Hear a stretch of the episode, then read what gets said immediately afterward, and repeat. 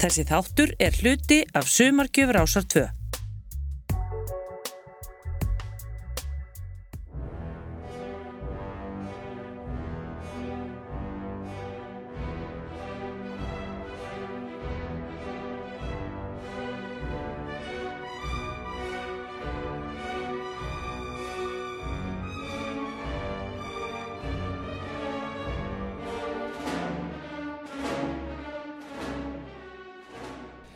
Theodisa Gutmann var fætt 29. júli 1885.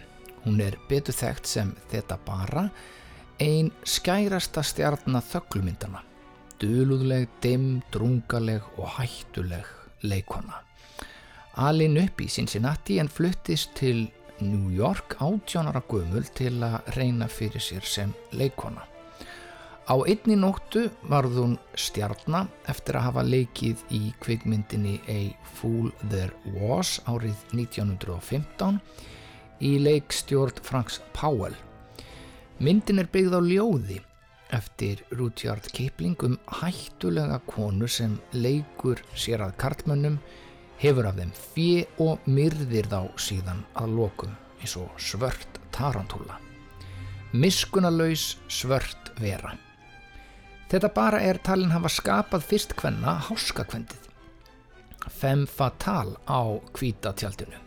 Á fimm árum leik hún í yfir 40 þöglum stuttmyndum. Yfirleitt kom hún fram sem dular fulla veran vamp eða vampýran, hættuleg svört vera sem yfirleitt lagði líf Karlmanna í rúst.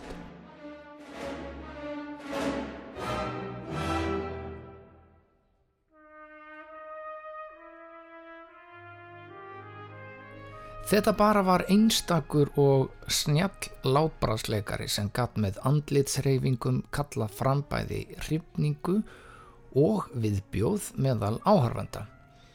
Þetta voru stuttmyndir sem voru ekki ætlaðar viðkvæmum. Það nexluðu og augruðu siðprúðum brottborgurum en á sama tíma heitlað hún fólk upp úr skónum. Fólk annarkvort elskaði hana eða hataði, nefndi börn sín eftir henni, bónorðum ringdi yfir henna en sömulegis var hún talin vera siðaspillir og útsendari djöfulsins. Kvikmyndaverið Fox rakana 1919, hún þótt of djörf, segður hennar og látbragð of hættulegt, hún leik einungis í tveimur myndum eftir það en kvarf svo í skuggan. Þetta bara er tínd og tröllum gefin, hún lést 7. apríl 1955, ein hættulegasta og dularfylsta kona kvikmyndasögunar.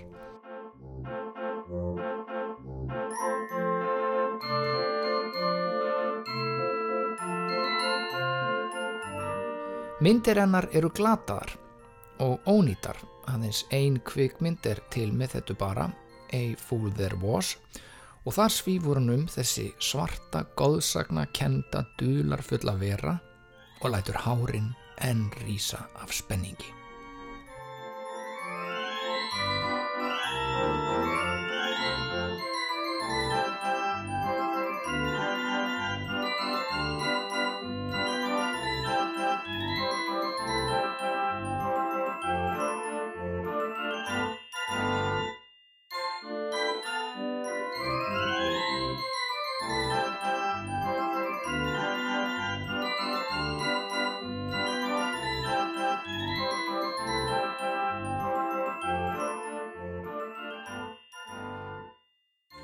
Tijuana kartel mafían er gjarnan skilgreint sem einn hættulegasta og svífyrðilegasta glæpaklíka í Mexiko. Áhrif hennar ná út um alla mið og Suður-Ameriku. Kartelmafían er einn helsti kókainsali í heiminum, hættuleg glæpaklíka sem stundar stórfælt peningaþvætti og ímiskonar glæpastarsemi. Gengi sem enginn vil mæta.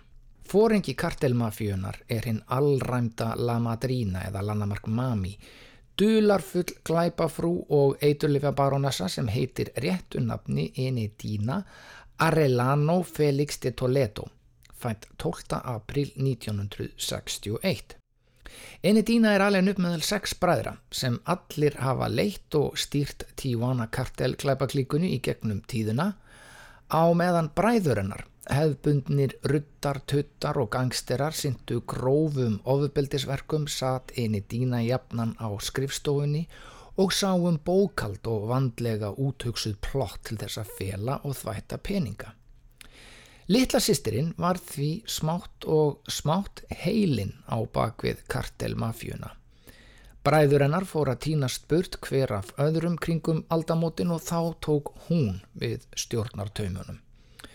Talið er að hún hafi orðið fyrsta konan til að stýra stórum eiturlífarhing eftir að bróðir hennar Eduardo Arellano Felix var handtekinn 2008. Þá varð hún einráð í þessum stóru glæpasamtökum.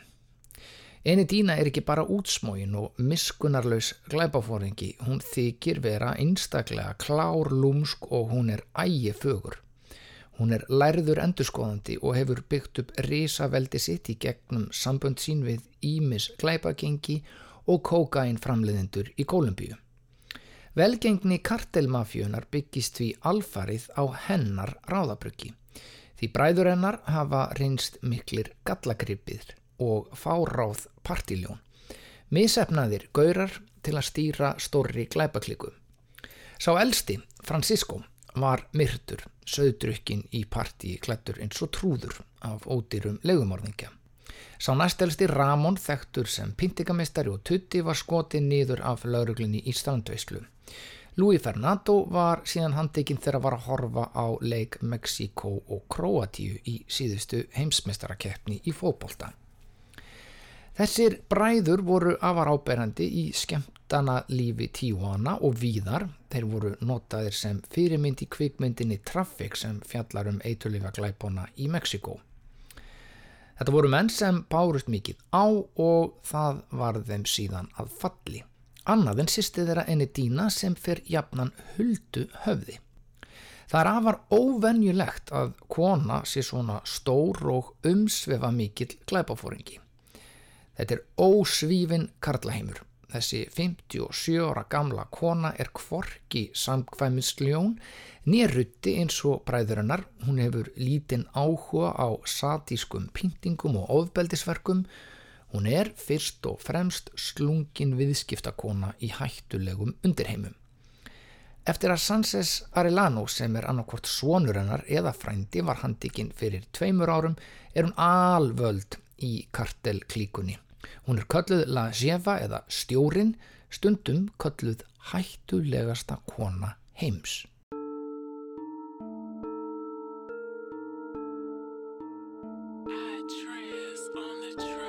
What you know about it? What you know? What you know about it? What you know?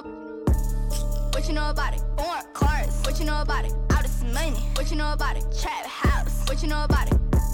You don't know about it. Cuban link. You don't know about it. Tiger mink. What you know about it? Out this money. What you know about it? I don't need no receipts. I see it, I own it, I play for keeps. Don't tell me the price don't matter to me. What I spend in a day, you make in a week. They keep going up like a money tree. Shopping these deals like a money spree. Can't get you the gang, gotta charge a fee. Queen of Rack City, give me the key. I be like, send me the Addy. Hop out the push with a baddie. She got a nice face and a fatty. Do what I say like I'm daddy. Been out here killing them. Yeah, the chain cost about a million. Told them make me about a billion. Yeah, we see who I should really on. Look, I don't got no curb, I got mileage. I'm always on the jet like a pilot. You can't afford this life. It's a diamonds move, yeah, I'm throwing. Throwing hundreds. Money falling to the floor like it's snowing. Pick it up. Woo! What you know about it? Born cars. What you know about it? Out of some money. What you know about it? Trap house. What you know about it? Í bókinni Miss Narko er fjallaðum konur í eiturlifja heimi Suður-Ameríku. Þetta er ruttalegur og miskunalauðs karla heimur þar sem konur eru misnotaðar og myrtar daglega. Það er því afar sjaldgæft að sjá konur klífa upp þennan vafasama metorðastega. Til þess þarf ótrúlegt hugrekki, útsjónasemi og gáfur, allt eiginleikar sem einið dýna Arellano Felix sannarlega hefur. Hún hefur ekki bara lifað bræður sínar, hún hefur séð við hættulegum klæpafóringum sem hafa ógnaðinni og veittinni harðar samkeppni. Aðgerðir meksikóskra yfirvalda til að stemma stígu við glæpum og eiturlifja framleiðslu undir fóristu forsetans Enríkos Pena Nieto hafa skilað þó nokkur um árangri. Þekktir glæpafóringjar eins og El Chapo, Miguel Trevino eru nú hornir af sviðinu en Eridína fer enn huldu höfði. Hún er eftirlýst um allan heim, hver sem verður uppvís að viðskiptum við hana á yfir höfði sér heiminháar sektir og fangelsisvikt. Hún hefur ekki stundað bræðravig, hún er slungin samningakona, býr til bandalög við þekta menn og fóringja eins og El Chapo og hannar flóknar og eitur snjallar viðskiptaflettur. Örfáar ljósmyndir sína að La Sjefa er ekki einungis einstakur ráðabrukari heldur jáfnfram geislandi og fögur kona. Það er talið að hún sé tví fráskilinn en annars er lítið vitað um hennar fjölskylduhægi. Ótal þjóðsugur ganga um hana í Mexiko, kvikmyndir, söngvar og hvæði. Það er sungið um hana í polkalæginu La Cheva de Tijuana þar sem líst er óviðjafnanlegum kvengarpi sem leikur sér að bissum, yfirvöldum og karlmönnum.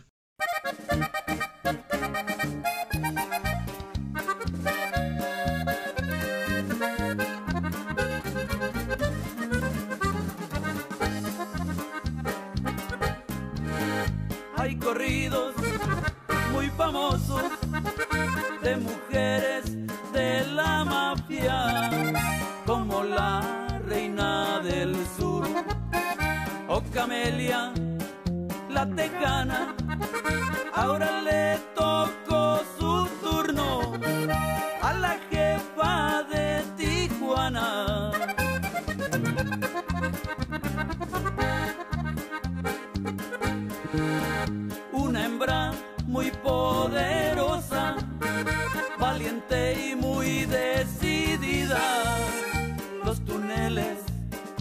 de Tijuana dan más oro que una mina. José Mendieta y Barraza por la jefa dan sus vidas.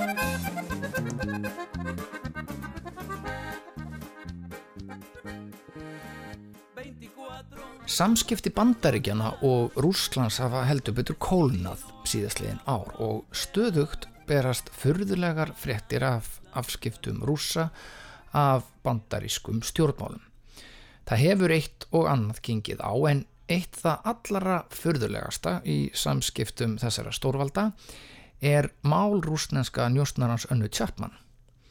Bandaríska alríkislauröklan hefur skilgringt hana sem eina hættulegustu konu heims. Þessi rauðharða þokkagiðja, áhrifavaldur og glamúrgjella var rekin frá bandaríkjónum 2010 fyrir njóstnir.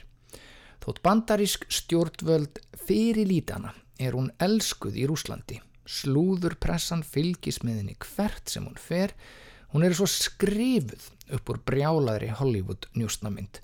Sannkallað háska kvendi femfatal hún Anna Tjappmann. Anna Chapman er fætt í Volograd 23. februar 1982. Fyrirsætta njóstnari sjónvarpstjarnar og margt fleira. Henni hefur verið líst sem einum helsta glamúr njóstnara 21. aldarinnar. Grunuð um Ímis ótaðisverk eins og að eitra fyrir leini þjónustu fulltrúa MI6 Sergei Skripal í júli 2010. Margir hafa séð sjónvastættina The American sem fjallar um hóp rúsnenskra njóstnara sem dulbúa sig og koma sér fyrir í bandaríkjunum. Það er einmitt það sem Anna Chapman gerði. Hún þóttist vera bandarækjamaður, kom sér í kynni við og stundaði kynlíf með ymsu háskólafólki, yðnjöfurum og stjórnmálamönnum til þess að sapna mikilvægum upplýsingum. Nokkru mánuðum eftir að hún var handtekinn og sendt aftur til Rúslands satt hún fyrir í rúsnensku klámtímariti í þokkafullum stellingum með bissu í hönd.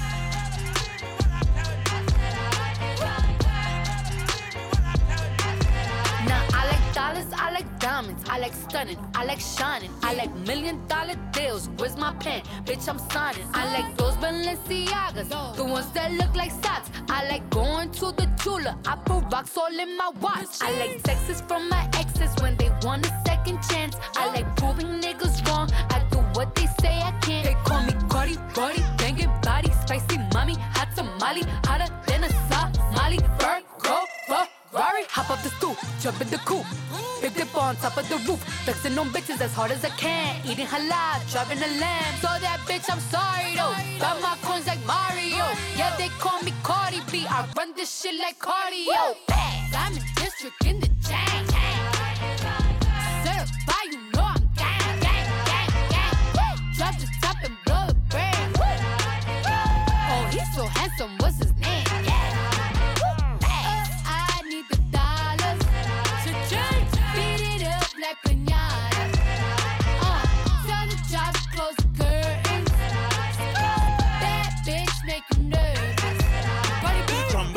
Chambean, pero no jalan. Tú compras todas las Jolambo, a mí me las regalan. Það er talið að hennar rétta nafn sé Anna Kushenko. Hún er hagfræðingur frá háskólanum í Moskvu og dvaldist jafnan sumarlangt í Lundunum til þess að ná fullkomnu valdi á ensku. Þar kynntist hún Alex Chapman sem hún giftist 2002. Brúðkaupið var haldið með pomp og prakt í neðanjarðar reifpartíi. Í viðtali við Daily Telegraph 2010, fjórum árum eftir skilnaðira, greindi Alex frá því að þetta hefði verið ást við fyrstu sín. Töfrar önnu Chapman væru óviðjafnanlegir. Alex þessi Chapman lést síðan fyrir þremur árum einungis 36 ára gamal. Andlit hans vakti heimsatikli og getgátur voru um hvort Anna Chapman hefði jafnvel komið þessum fyrverandi eigimanni sínum fyrir Katanef. Engar laurugluransóknir gátu þó sanna það. Njóstna ferill önnu Chapman er nú að öllum líkindum lokið. Hún er það heimsfraga það væri ógjörningur fyrir hana að dulbúast og sinna hefðbundnum njóstnarastörfum. Hún er svo kallaður áhrifavaldur í dag, Instagram stjarnar, sjónvarpstjarnar og fyrirsæta. Daglega postar hún djörfum myndum af sjálfri sér, hún starfar fyrir REN TV, eina stærstu sjónvarstöð Rúslands. Allt er þetta voða saklaust og skemmtilegt á yfirborðinu en þegar Anna Chapman er annars vegar vitum við lítið hvað í raun og veru er að gerast.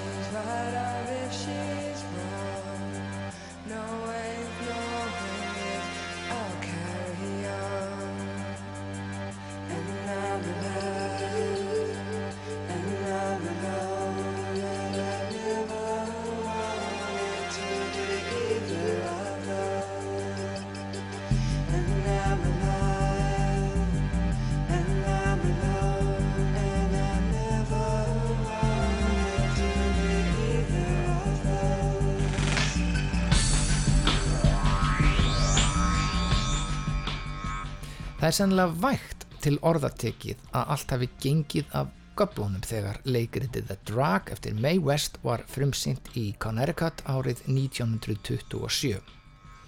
Óþverri og viðbjóður voru orð sem einnkynntu fyrirsagnir dagblada og þá gaggrinni sem leikritið fekk. The Drag var allsýnt tíu sinnum, síðan var leikritið tekið af dagskrá og bannað. Hvað var eiginlega í gangi?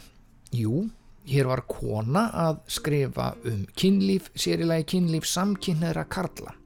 The Drag hefur undir titilinn Samkynneður gamanleikur í þremur þáttum og fjallar um líf yfirstjættamannsins og skápahámans Rollís Kingsbury sem lifir í ástlausu hjónabandi á föður sem er homofóbískur dómari og tengdaföður sem er geðlæknir að reyna að lækna kynvillu. Hljóma spennandi. En þetta var kannski bara of mikið fyrir fólk í Connecticut árið 1927. Árinu áður frumsýndi Mae West leikritið Sex á Broadway. Leikrit sem hún samdi, framleiti, leikstýrði og leik aðalutverkið í. Sex sló samstundis í gegn og var umtalaðasta leikritið á Broadway en þrátt fyrir miklar vinsaldir bárust enda lausar kvartanir og klögubref. Loksmætti lauruglan á svæðið og skellti í lás. Sýningin var tekin af fjölunum og mei vestæmt í tíu daga fangilsi fyrir að særa bligðunarkend fólks. Hún kom í limósinu í fangilsið og tóku drefsingu sína í hágæða silki náttfötum. Mae West afplánaði sína fangavist með sóma og var bæði vinsal meðal fangavarða og hjá samfungum.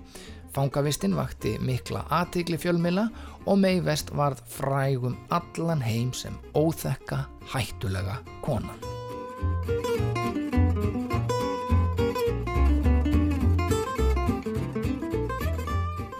Mae West er þekktust sem Hollywood kynbomba. Kynþokki hennar og útgeslun á kvítatjaldinu var vissulega mikill og sumir myndu kannski segja yfir þyrmandi því hún var stöðugt að augra og nexla. En hún var annað og meira en bara kynbomba. Mae West fættist 17. ágúst 1883 í Brooklyn í New York, var nefnd Mary Jane West, dóttir hjónana Matildu og Johns West sem voru af Þískubergi brotin.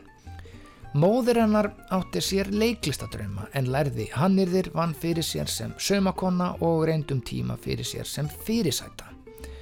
Fadir hennar var kunnur atvinnu nefaleikari sem gekk undir nafninu Battling Jack. Afrega skrá hans var svo sem ekki glæsilega en hann var þekktur fyrir blóðuga og miskunarlausa gödubardaga.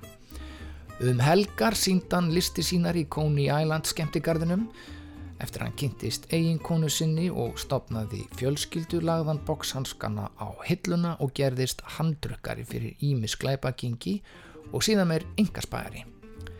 Mei Vest var eftirlæti móðu sinnar. Hún fekk frjálslegt og eftir vil aga laust uppeldi og var því snemma það sem einkendi hana alla tíð óþekka stelpan. Aðeins þryggja ára var hún farin að tróða upp í fjölskyldubóðum þar sem hún hermdi eftir vinum og vandamönnum. Tilly, móðurinnar, dró hana með sér á leik og söngvasýningar með hillaðist af Bert Williams, þeldökkum skemmtikrafti sem var frægur fyrir hárbeittar og drepfindnar satjúrir. Hún taldi þennan hugrakka aktivista og trúð vera sinn helsta áhrifavald í lífinu. Maður sem þorðað rífa kjáft. Mae West kom fyrst opinbörlega fram einugis fimm ára og var farin að vinna fyrir sér á kabarettum sjö ára gömul þar sem hún kom fram undir nafninu Baby May.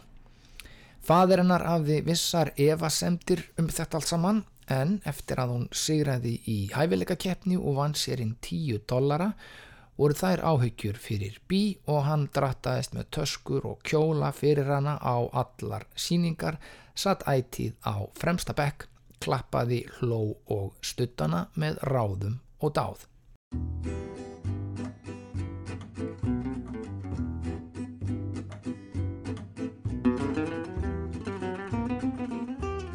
1907 þegar May var 14 ára var hún orðin atvinnu skemmtikraftur.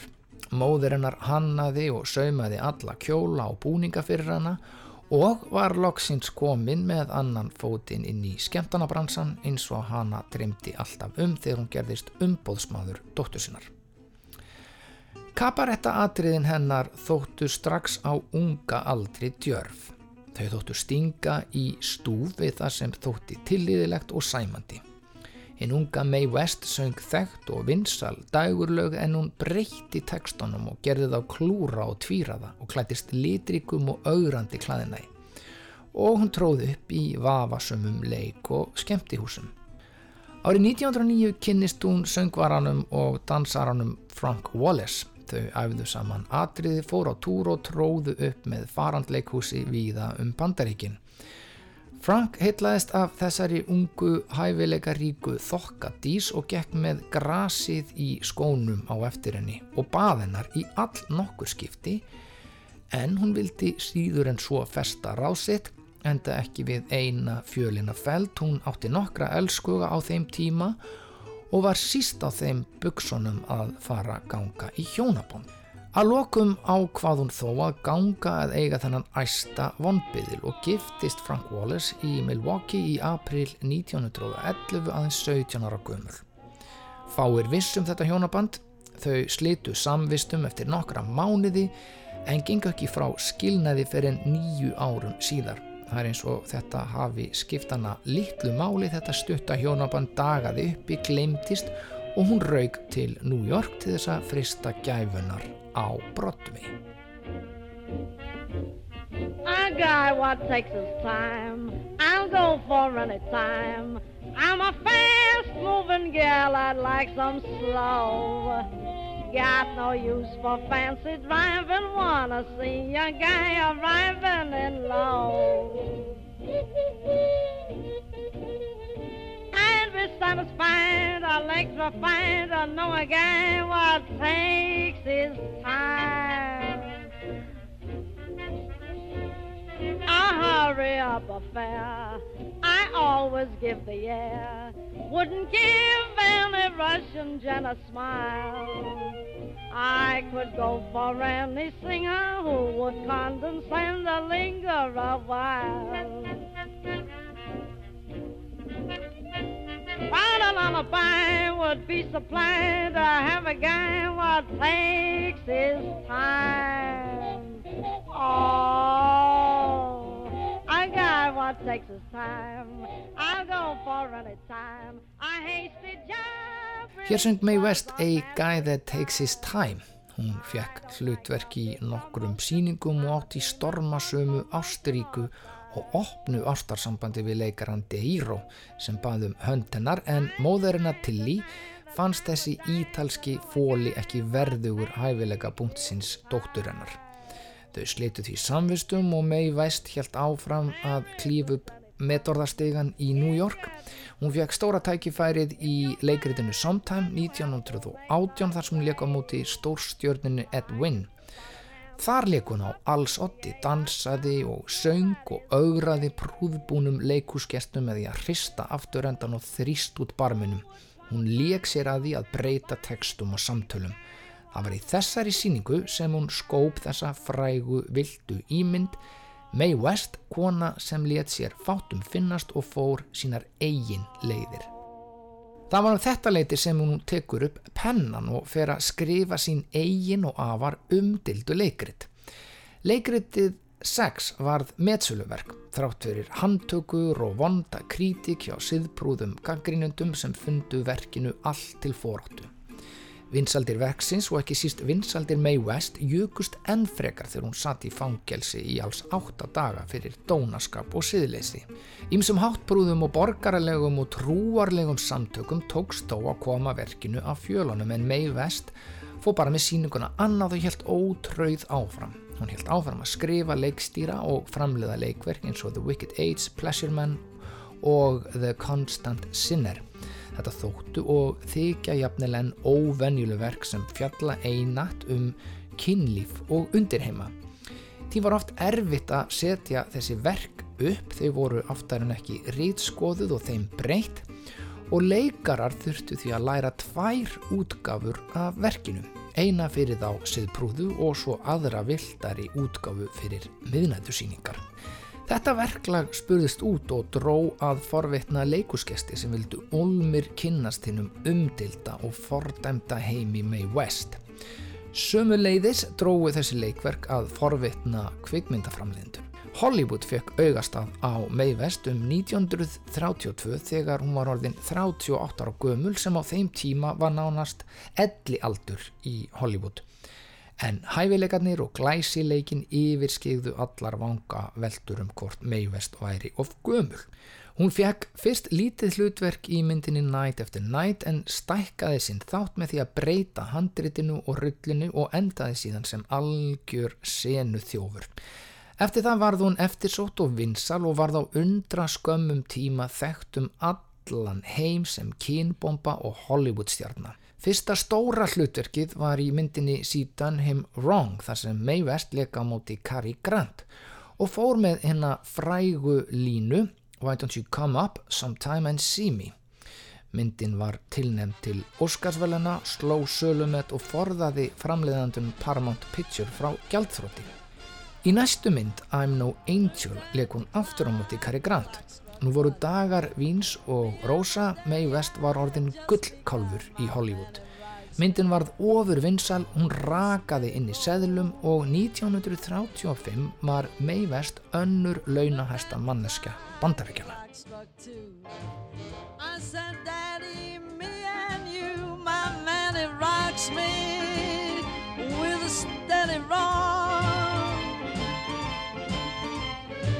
Looked at the clock,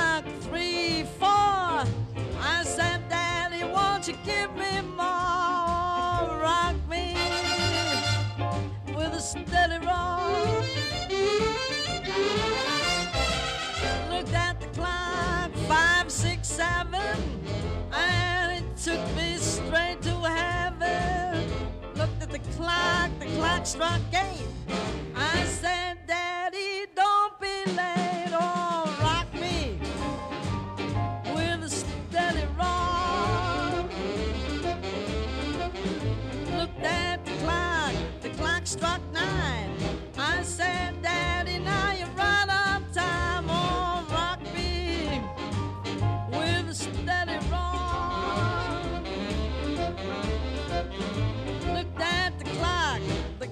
I said, Daddy, tell me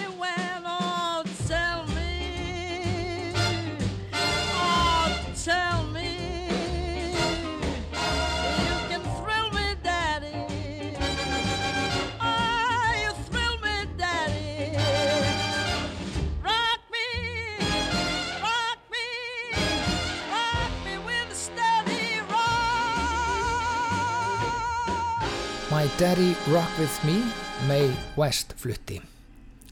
Þrátt fyrir miklar vinsaldir höfðu margir horn í síðu Mae West.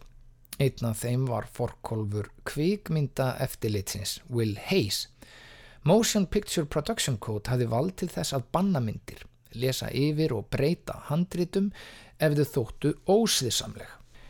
Árið 1934 fór eftirlitið að hafa sérstakt auga með Mae West og rítskoða allt sem henni viðkom. West let sér fátum finnast eins og hennar var háttur og gerði frekar í því að vera klúr og tvíran til þess að ofbjóða hennum fínu herrum kvikmynda eftirlitsins sem henni tóks bara alveg með ágjöndum. Í Klondike Annie leikur West starfsmann hjálpraði hersins. Í myndinni kemur fram sterk ádeila á trúabröð og hræstni kirkjunamanna. Myndin er jafnantalin meðal bestu verka Mae West. Myndin var geysivinsal þrátt fyrir að framleiðandin William Randolph hefði gert allt til þess að reyna að stoppa hana af. Aðrar myndir eins og Go West, Young Man and Everybody's Holiday gengu ekki eins vel og ferillin fór að dala. Endalaus rítskoðun, mótmæli, nöldur og tuð fór að hafa áhrif á sköpunarkraftin. Allt allaveg um kolla keira þegar hún kom fram í tveimur sketsum í útastættunum The Case and Sunborn Hour. Mae West þótti fara algjörlega yfir strikið í dónaskap og var bönnuð í öllum miðlum fjölmiðlareysans NBC. Universal Pictures leituðu til hennar í vandræðum og fengi hana til að leika aðal hlutverkið og skrifa handritið í kvikmyndinni My Little Chicktees. Þar leikunum átti W.C. Fields. Það gekk á ymsu á tökustaf þar sem Mae West var hinn eiginlegi leikstjóri, Fields var drikkjurútur og Mae West sem var bindindiskona var fjúgandi reið á köplum þegar mótleikari hennar mætti ídrekkað drukkin á tökustaf. Hún let guðsurnar ganga yfir hann, þóld ekki hálfkák og fúsk. Og það þótti afar ofinnlegt að sjá konu á þeim tíma húðskamma heimsfragan Hollywoodleikara. Þrátt fyrir þetta gekk myndin vel. 1943 leitar Columbia til hennar í krökkum, West er þá orðin 50 og stöðugt undir hælnum á framleiðendum Hún er með þumalskrúfu á puttanum þegar hún vinnir hjá Columbia, nær ekki að blómstra, myndirnar fá lélega gaggrinni og floppa. Mae West er sett út í kuldan og leikur ekki í kvikmynd fyrir enn 30 árum síðar.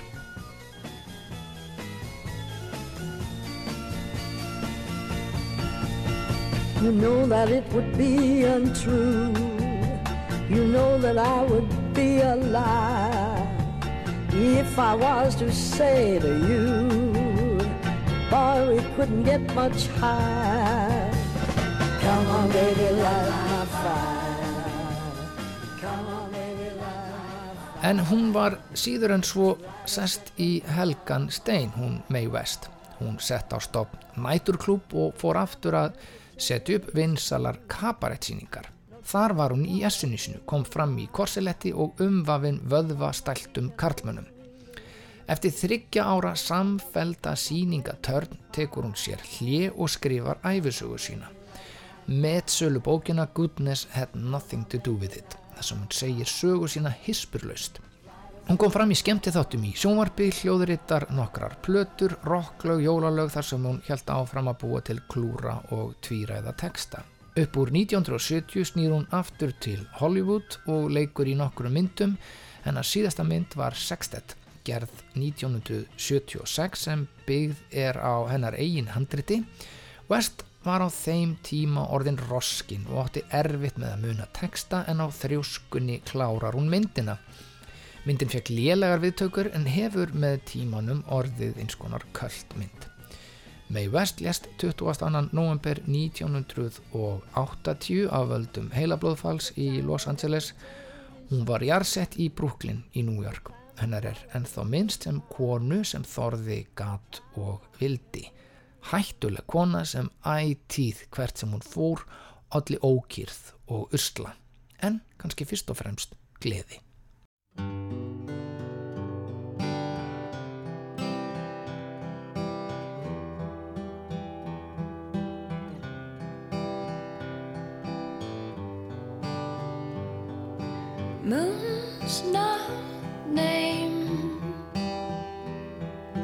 Love left dry.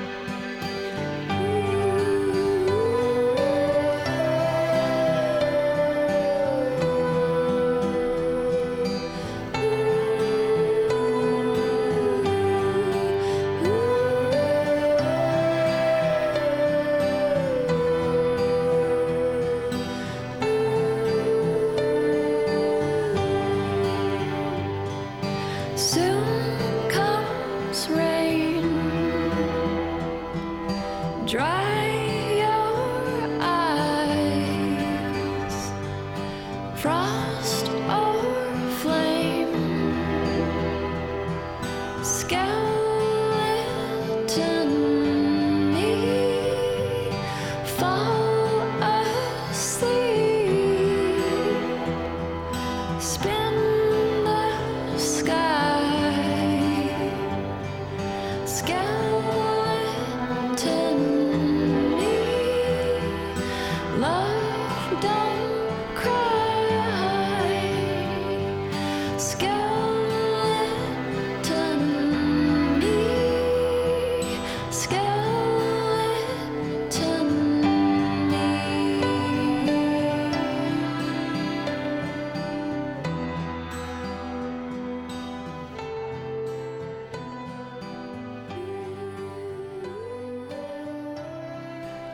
Árla morguns 15.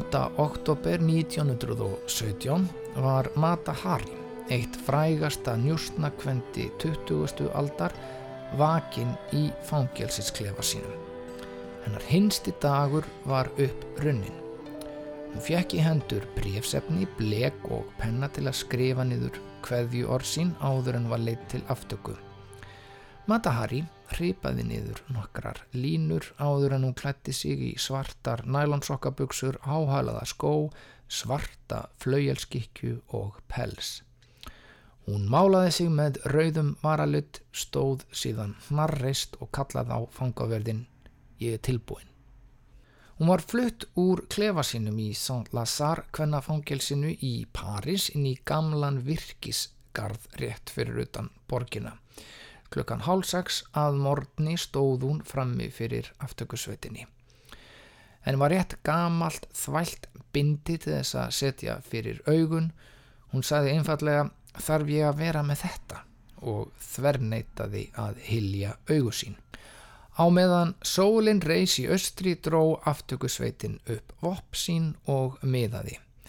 Rétt áður en skotunum var hlift af sem tættu tignarlegan líkama hennar í sundur sendi hinn 41 árs gamla Mata Hari böðlum sínum fingurkoss.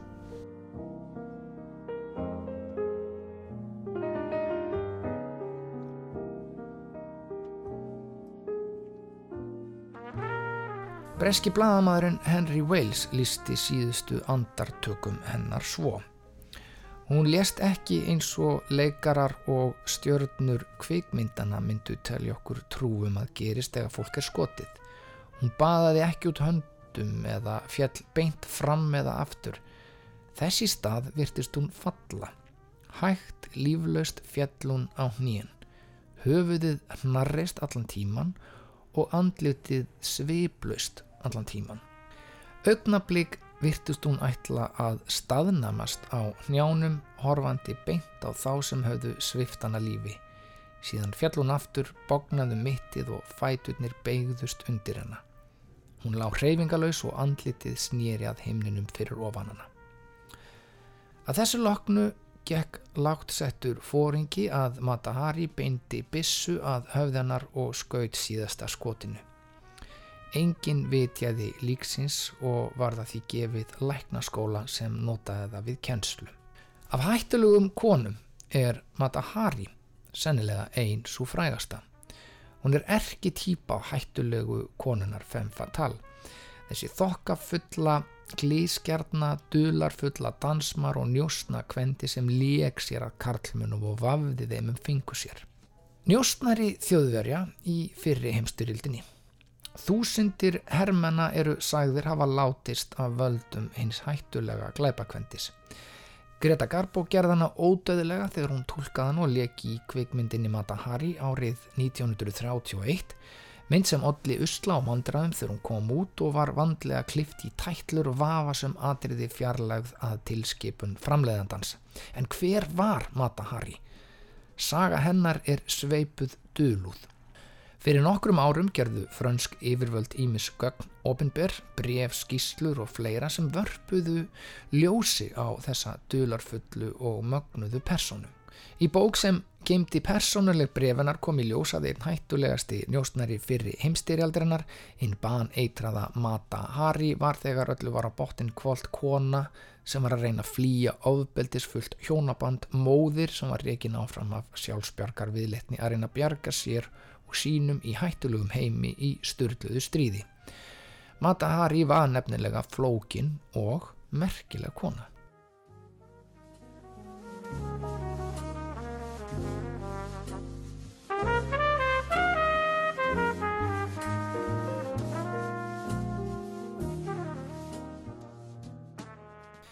Matahari var fætt 1876 í bænum Levarden í Hollandi. Ef einhver á leiðum þennan smábæ er við hæfi að skoða alveg ágætissapnum þessa frægustu njósnakonu allra tíma.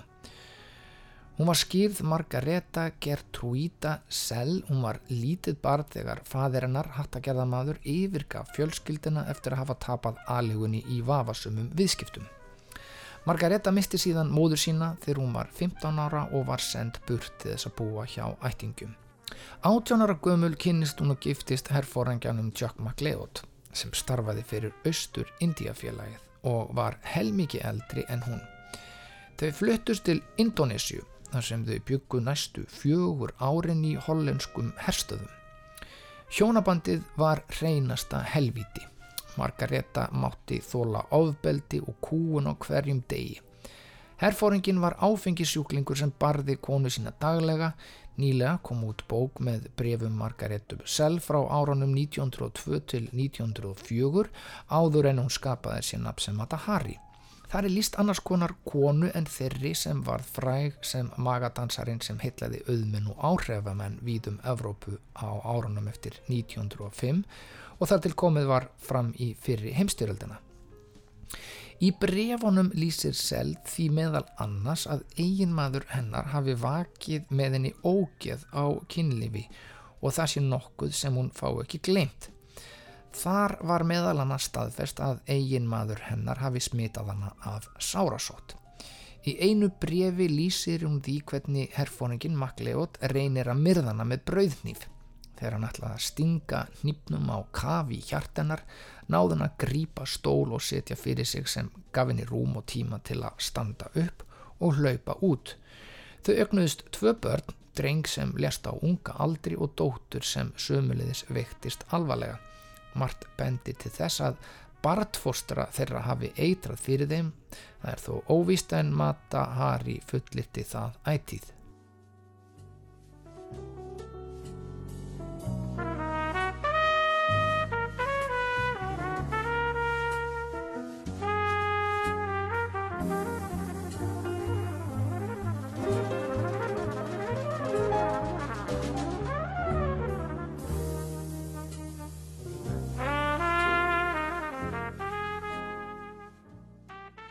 Eftir fjögur ára á heitum og framandi slóðum fluttust þeim Margareta og Makleot aftur til Hollands og skildu.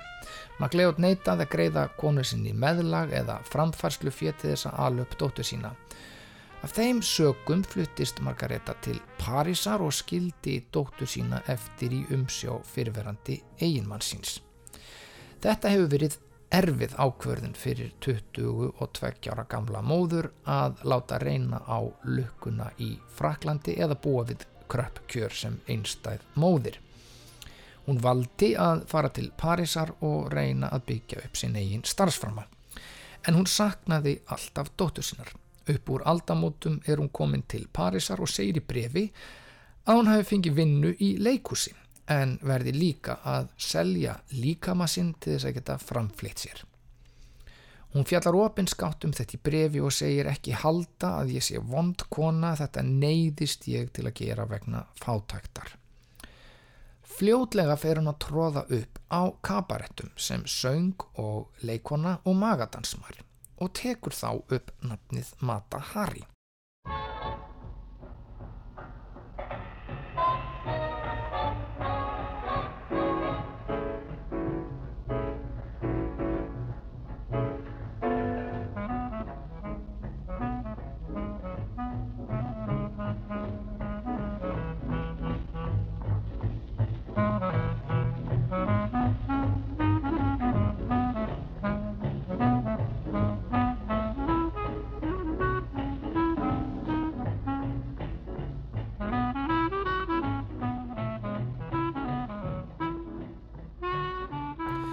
Mata Hari vakti mikla aðtikli í París fyrir erotíska síningar sínar árið 1905 og sögur af henni urðu útbreytar.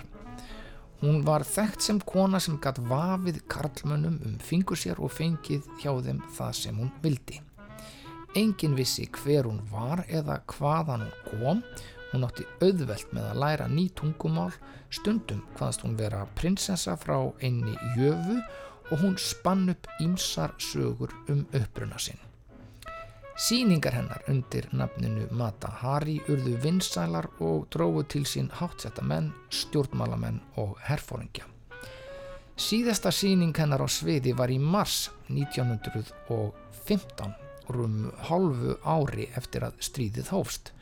Hún átti þá í samböndum við háttsetta menn, þar á meðal stjórnmálamenn og herfóringja sem hún gatt nýtt á nýjum starfsvettangi njóstnu.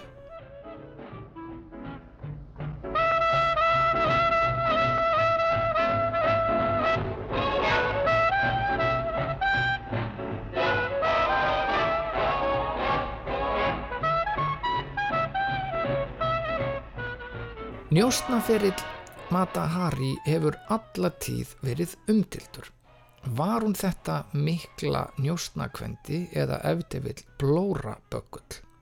Peð sem var fornað. Það er þó vitað að hún var í samskiptum við Þískan erindreika í Madrid sem sendi yfirmönnum sínum í Þískanlandi símskeiti um njósnaran H21 sem að öllum líkindum var Mata Hari. Þetta skeiti var notað sem sönnunagagn við réttarhöldin yfir henni í Fraklandi. En af hverju gerðist Mata Hari njósnari? Það er ekki ljóst en njósnir hennar hafa verið raktar til þess að hún hafi viljað afla sér fjár til að framfleita rústneskum elskhuga sínum sem slasast hafði í stríðunum. Hún njósnaði fyrir þjóðverja en það er talið að hún hafi ennfremur stundað gagnjósnir fyrir frakka. Hún neytaði þó alltaf sög. Fransk yfirvöld líst henni sem stór hættulegum njósnara sem hefði kostað 20.000 franskra hermana lífið. Þetta var um svipa leiti og stríðsreksturinn á vestur vikstöðunum gekk hvað vest og mikið brottlaup var úr franska hernum. Þess vegna eru tilgátur um að réttarhaldin yfir Mata Hari og aftaka hennar hafi verið að hluta til að slá á óánægju og gaggrinni á vonlausan stríðsrekstur frakka. Örlög hennar sína því á vissan hátt stöðu hvenna á stríðstímum hvernig sterk kona sem skapaði sér sjálfstæði tilveru var blórabökull fyrir ráðamenn sem virtust vera að tapa stríðinu.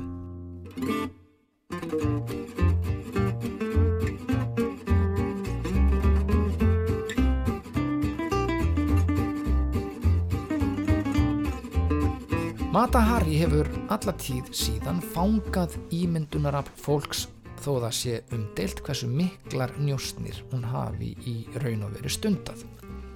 Sögu hennar hafa verið gerð skil í bókum, kvikmyndum, sjónvastáttum og öðru efni í næstum heila öld. Þetta er alls 36 kvikmyndir og sjónvastættir þar sem hinar og þessar leikonur hafa brugðið sér í gerfi þessa frægasta kvenna njóstnara sögunar. Frægust er auðvitað Greta Garbo árið 1931, Jean Moreau 1964, Sasa Gabor árið 72, Mata Hari hefur heitlað ungan Indiana Jones í samnemdum þáttum og komið við sögu bæði sem aðalpersona og aukapersona í þáttum og kvikmyndum. Á frísafninni í Levardin í Hollandi er að finna síningu tilengaða Mata Hari, þar er að finna tvær úrklippubækur sem hún tók saman og austurlæst teppi með ísaumað fótspor hennar Bækurnar sem skrifaðar hafa verið um Matahari eru ófáar á mörgum tungumálum. Nýlega kom út skaldsaga eftir Paulo Coelho sem fjallar um þessa merkilegu og hættulegu konu sem öll í ókýrð og titringi hvar sem hún fór.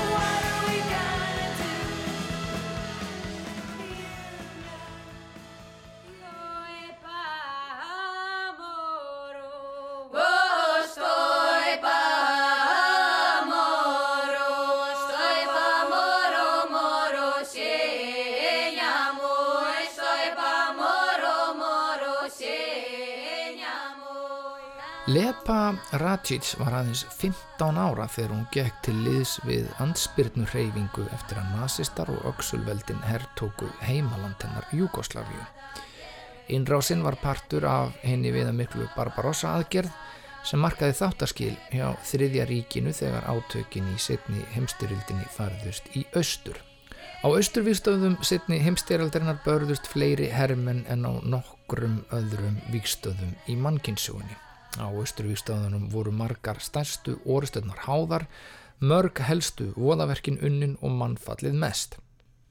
Eina þeim sem barðist gegn þessu mikla ofuröfli var hinn 15 ára gamla Lepa Racic. Þótt þjóðverjar hefðu á undra skömmum tíma herrtekið allan Balkanskagan og stýrt öllu landinu, öllum vegum, borgum og bæjum með járn hendi, þá var samt fólk sem lagði líf sitt í hættu til þess að berjast á móti. Serbneskar ansbyrnurreifingar gerðu hernámsliði þjóðverja erfitt fyrir. Þetta voru margskonar reyfingar sem höfðust við í fjöllunum. Tjarningar var stór og sundurleit reyfing leitt áfram af herfóringjanum Dragoljúb Mitjálvik. Þetta voru heitrúaðir konungsinnar og þjóðetnissinnar sem voru alveg eins til í að gera einhvers konar málamiðlanir og samninga við nazista ef hagsmunir og endurreist serbneska konungsríksins voru hafðir í fyrirrumi. Kommuníska andspyrnu reyfingin var leitt af Josip Broz, betur þekktur sem Tito. Hugmyndafræði hennar var önnur en hinn að konungsinniðu tjetnika.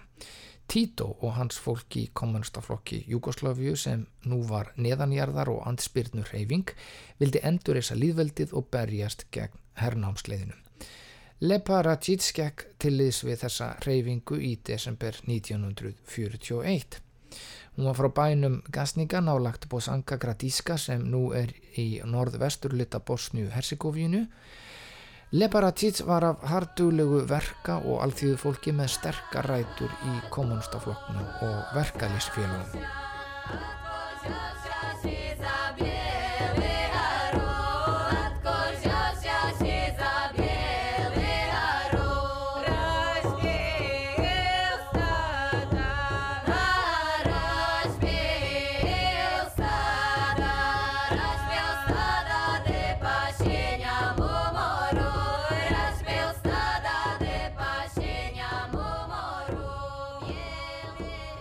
Eftir innrás nazista 1941 voru flestir í fjölskyldunni, fadir hennar og frændur orðnir virkir félagar í ansbyrnurreifingunni.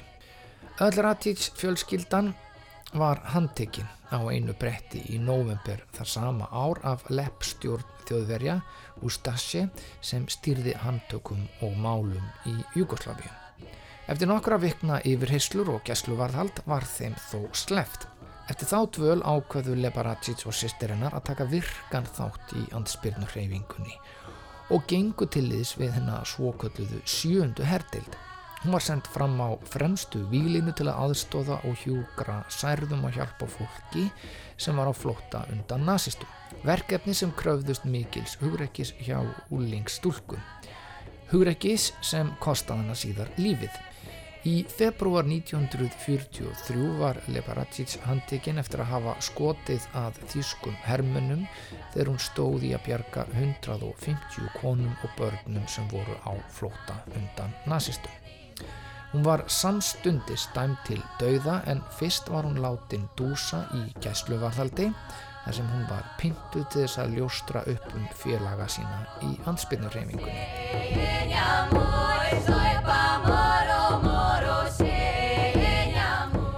Hinn 17 ára gamla Lebaratic let ekki uppi neyn nöfn þrátt fyrir svífyrðilegar pyntingar og ofbeldi. Þann 8. februar 1943 var Lebaratic lit í gálgan. Rétt fyrir aftökuna var henni bóðið frelsi gegn því að gefa upp nokkur nöfn. Hún stóð fast á sínu og gaf ekkert upp en sæði upphátt fyrir framann hópa á fólki sem þarna hafði sapnað saman Ég er ekki svikari, ég svík ekki fólkið mitt. Fólkið sem þið spyrjið mig um mun stíga fram, það mun koma fram og það mun sigur ykkur illmennin, slátur ykkur til síðasta manns. Að því sögðu var Leparatic hengt og líflátin.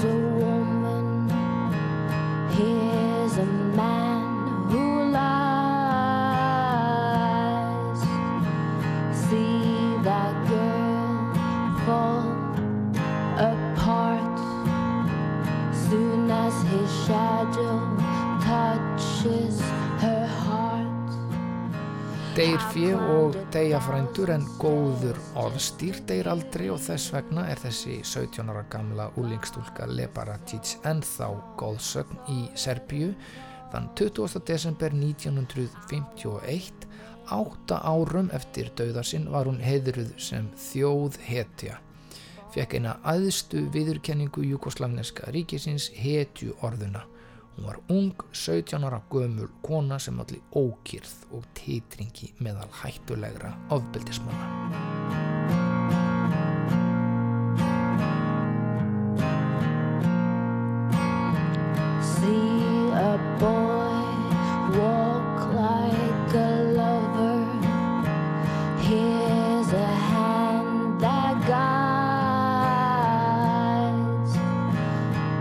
and that shadow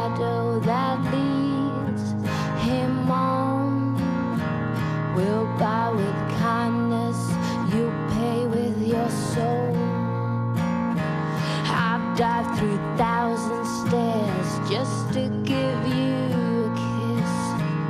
God, you're so tall, taller than tall trees. I wanna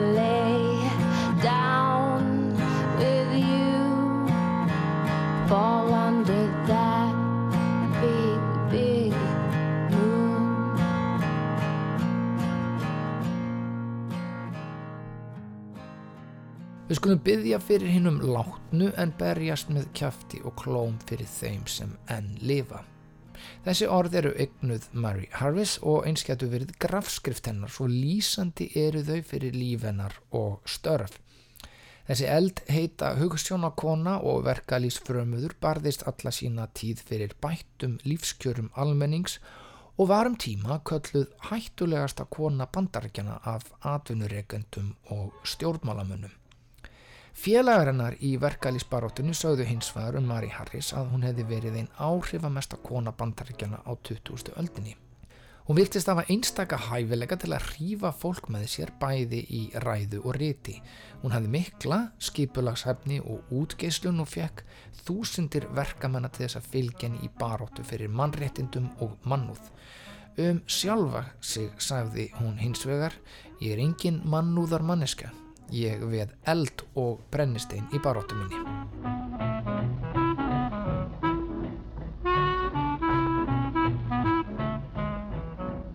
Hún fættist að er talið 1. ágúst 1837 í bænum Kork á Írlandi. Hún reyndi síðar á æfin að breyta afmælistegi sínum og færa hann yfir á barátudag verkalýsins 1. mæ. Dóttir hjónana Helen Cotter og Richard Harris og ólst upp í fimm sískjana hópi.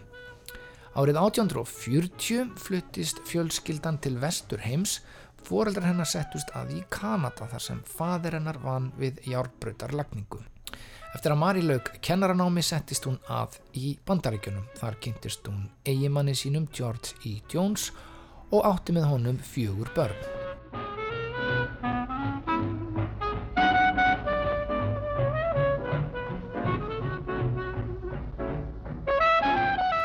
En svo seg á ógæfi hliðina hjá henni þegar börnin hennar öll og eiginmaður letust af völdum mígulusóttar. Það var Mari um þrítugt, hún flutti til Chicago og störf hjá skrattara við að sauma kjóla fyrir forríkar hefðakonur.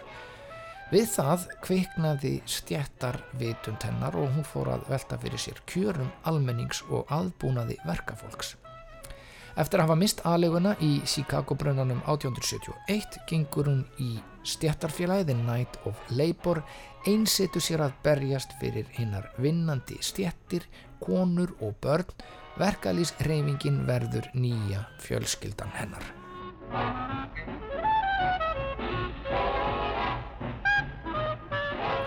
Mary Harris tók þátt í hundruðum verkfalla og mótmæla á áranum 1870 til 1920 á miklum uppgangstímum í bandaríkjunum. Hvar sem var slagur eða átök á vinnumarkaði við járbrautir í verksmiðum í námum þar var Mary Harris mætt. Þessi kvennskörungur og verkaðisfóringi var gerðnan kölluð Mother Jones. Þótti móðir lástjættana undir málsfólksins og fátragra barna. Hún var lágvaksinn, jafnan svartklætt með snjókvít hár, uppfull af réttætiskjönd og rafmagnari útgeslun.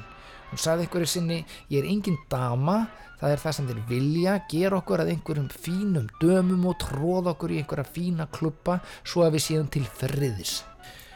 Hún hvatti konu til þess að styðja eigimenn sína í verkföllum og þær gerðust verkfallsverðir mættu með kústa og fældu í burtu verkfallsbrjóta. Hún var ekki síður umdelt meðal verkalýsfóringja en atvinnureikata fyrir óvenjulegar baróttu aðferðir.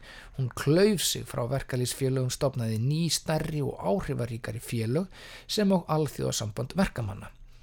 Það vakti aðtiklið þegar hún lagðist gegn baróttunni fyrir kostningarétti kvenna sem hún taldi skikja á og tefja almenna kvennabaróttu. Henni fannst súfragettunar falskar í baróttur sinni, sagði þar veruleika fyrtar yfirstjata pýjur sem var að reyna að drepa tíman í leiðindum sínum. Mother Jones beindi ekki síður spjótum sínum að ríkistjórnum landsins en atvinnureikandum. Hún mætti með her barna fyrir framann heimili Roosevelt Fossetta 1903 til þess að mótmæla barnaþrælkun sem hún sagði vera mikill böl.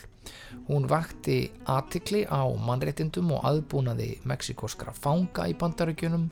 Hún óði yfirvöld þegar lauraglan myrti 20 konur og börn í mótmælum og námuverkvalli í Colorado 1914. Hún vílaði aldrei fyrir sér að snúa sér beint að fórsetta landsins þegar henni fann sprotið á mannréttindum fólks og stjórnarskrá landsins. Í mótmælum sem brutust út vegna námuverkvalla í vestur Virginíu 1912 og enduð í miklu blóðbaði var hún ákjærð fyrir aðild að morði og dæmt í 20 ára fangelsi. Hún var síknuð eftir mikil mótmæli og undirskriftasöfnun almennings. Og þannig barðist Máður Jones af miklum krafti fram í rauðan dauðan á þeim tímum þegar verkalýsbaratan stóð sem hæst í bandaríkjónum og víðar. Á hundrað ára afmæli sínu held hún mikla kvartningaræðu fyrir verkafólk sem var kvikmynduð.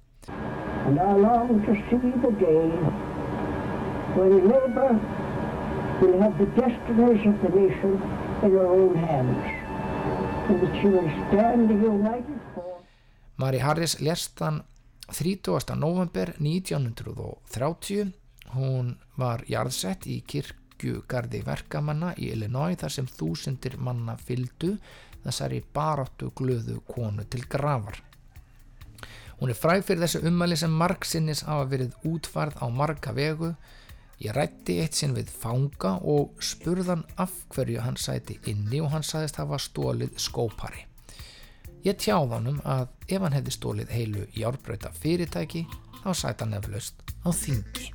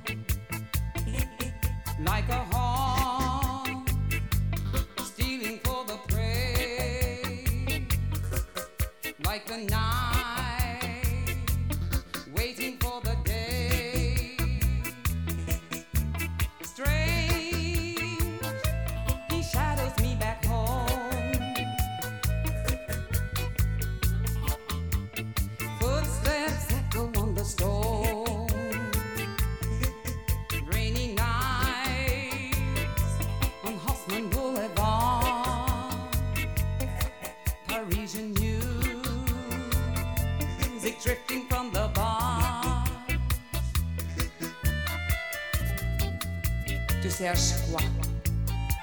On la mort. Tu te prends pour qui?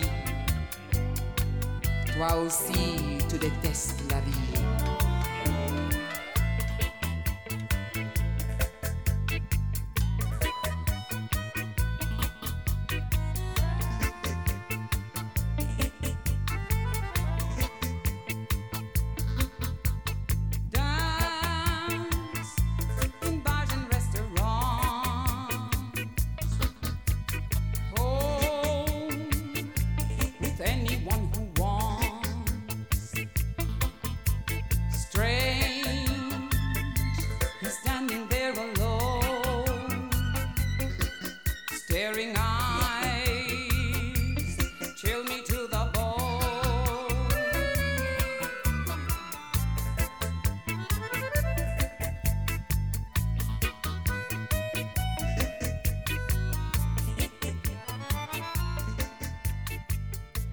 Kynum við til sögunar hættulega konu. Hún er frönsk, söng og leikona, sjónvastjarnar, diskodífa, fyrirsæta, listmálari, rítöfundur og tískugiðja. Já, hvað er hún og hvað er hún ekki? Hún er nefnilega eilíf ráðgáta.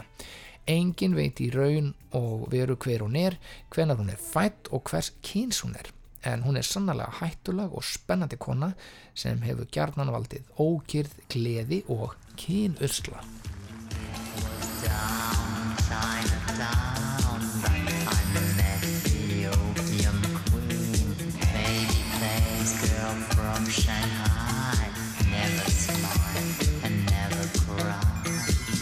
She now rules the underworld down in Chinatown She runs all the opium den down in Chinatown. Bring her your gold, bring her your worries, and when life gets a bit too dreary to stay. Amanda Lear heitir líklegast Amanda Tapp. Hún er sennilega fætt 18. júni eða 18. november 1939 eða 1946 í Hong Kong. Það getur líka verið að hún sé fætt 1950 í Saigon. Við veit, við bara vitum það ekki og hún segir ekkert. Hvar hún er fætt og uppalinn, hverjir foreldrarnir eru, allt þetta er hulið. Hún vakti fyrst aðdegli sem tískufyrirsæta á sjönda áratögnum í París þar sem hún vann með helstu tísku framleiðendum heims. Samlega því stundað hún listnám af fullu kappi en það afburða greind flugmælsk á fimm tungumál og svo auðvitað glæsileikin holdiklættur. En hún varð afhuga náminu og skellti sér til London þar sem aðal fjörið var.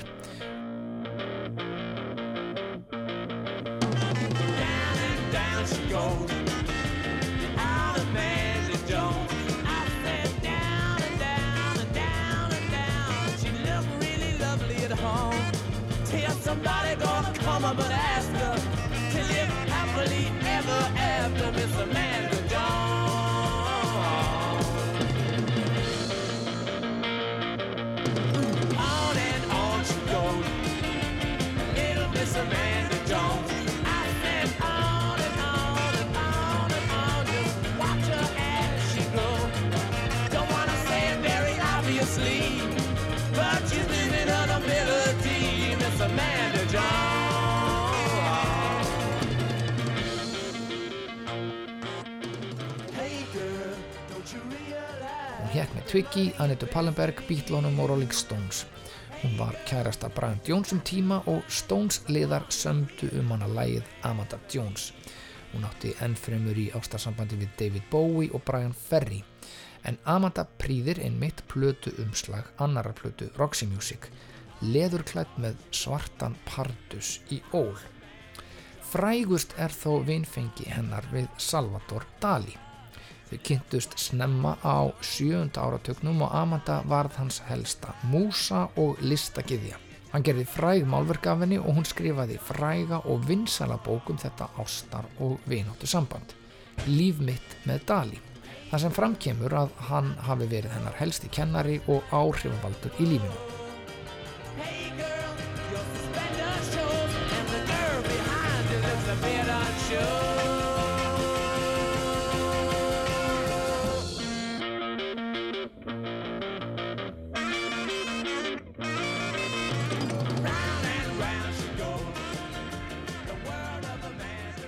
Amanda Lear var snemma vinsalt viðfangsefni slúðurpressunar enda skrautleg persóna og meira segja sjálf ötul og duglegur slúðurbladamaður.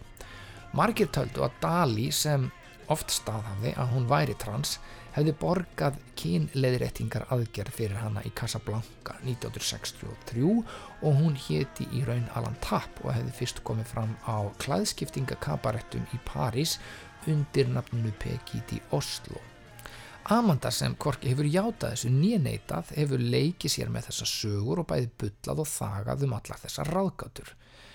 Sömulegis sungið meðal annars í lögunum Fabulous og I'm a Mystery með sérstakri áherslu á Mister í sögnum. Með þess að eiginmaður hennar til margra ára fekk ekki að vita neitt. Mörgum brá í brún þegar hún satt fyrir nakin hjá tímaritinu Playboy árið 1970 og öllum var ljóst að varla væri til kvenlegri kroppur.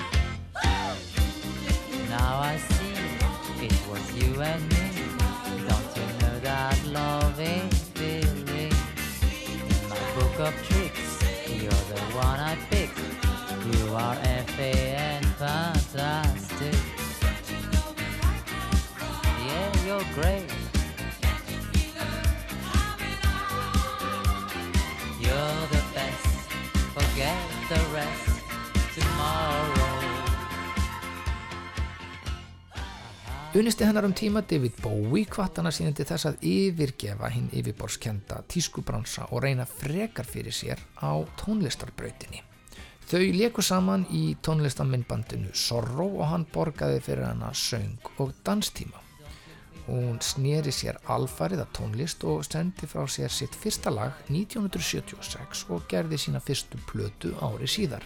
Tónlistin var í fyrstu einhver furðileg blanda af diskói og þýskri kráartónlist með eftirhermu og skemmti söngva ífavi.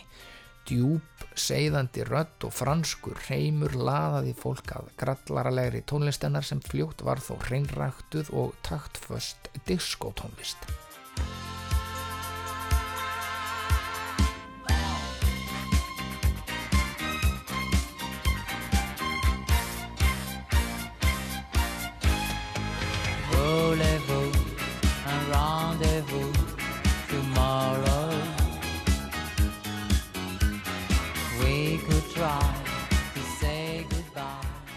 Hún varð eftirlæti fyrirmynd og helgi tákn samkynneira um allan heim sem hafa haldið nafni hennar á lofti í gegnum tíðina. Hún er enn að gera plötur og sendi nýlega frá sér sína 20. og 3. sóloplötu. Amanda Lear hefur aldrei verið við eina fjöluna felt í gegnum vinskap sinn við Dali fór hann að stunda listmálun sem hann hefur stundað af miklu kappi í þrjá áratugji og sínt í nokkurum frægustu galleríum heims. Hún tók þátt í að listskreita heimili Dali sem þeim sinnaðist þegar hún tók upp á því að giftast umdildum forríkum tvíkinniðum aristokrata. Eftir að hafa lifað ferðast og búið með Dali og verið í eins konar andlegu hjónabandi með honum um tveggja áratuga skeið fór Amanda að lifa sjálfstæðu lífi. Samhliða tónlistinni fór hún að starfa í sjónvarpi bæði í Fraklandi og á Ítalju þar sem hún meðal annars á um sjónvastátt ásamt verðandi fósettisráþaranum Silvio Berlusconi. Auk þess fór hún að starfa í leikhúsi enda vinsa leikona sem hefur leikið í allmörgum kvikmyndum. Já, ferill hennar er í rauninni líilegur, hún stundar enn fyrirsættu störf og kom nýlega fram á vor og sumarsýningu hjá Gaultier en þá jafn kynþokkafull og segðandi fyrir nokkrum árum send hún frá sér dásamlega sjálfsafisug og títillinn er kannski lýsandi. Ég er ekki svo sem þið haldið. Hún er eins og dali orðaða sjálfur gangandi listaverk.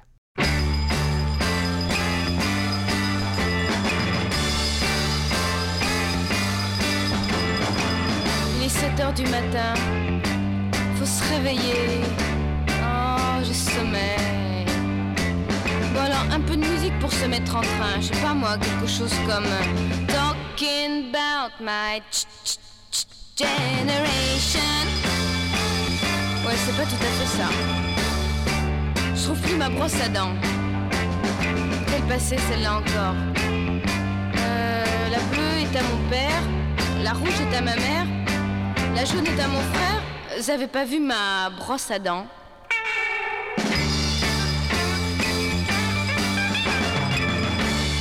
On est lundi aujourd'hui. Ah, pour demain, j'ai un devoir d'anglais. Hmm, J'aimerais bien avoir Paul McCartney pour m'aider.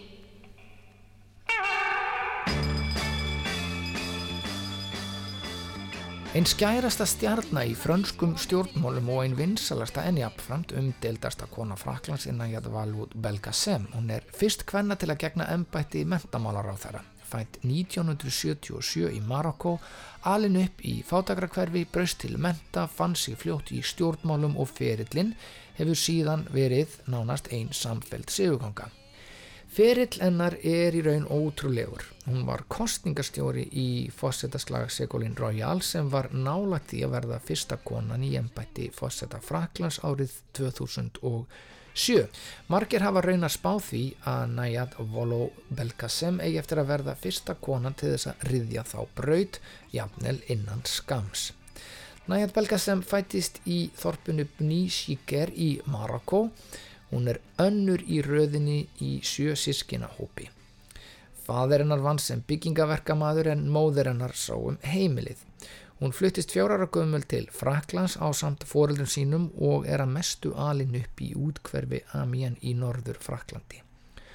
Ömmur hennar eru frá Spáni og Alsýr og hún ólst upp í dæmigerðri muslima fjölskyldu en segir samt ekki vera praktíserandi muslimi. Eftir útskrift frá Institut d'études politiques de Paris í stjórnmála heimsbyggi árið 2002 skellt hún sér í borgarstjórnarmálin í Líón og beitti sér sérstaklega í málum en var það fátakt og mannréttindi.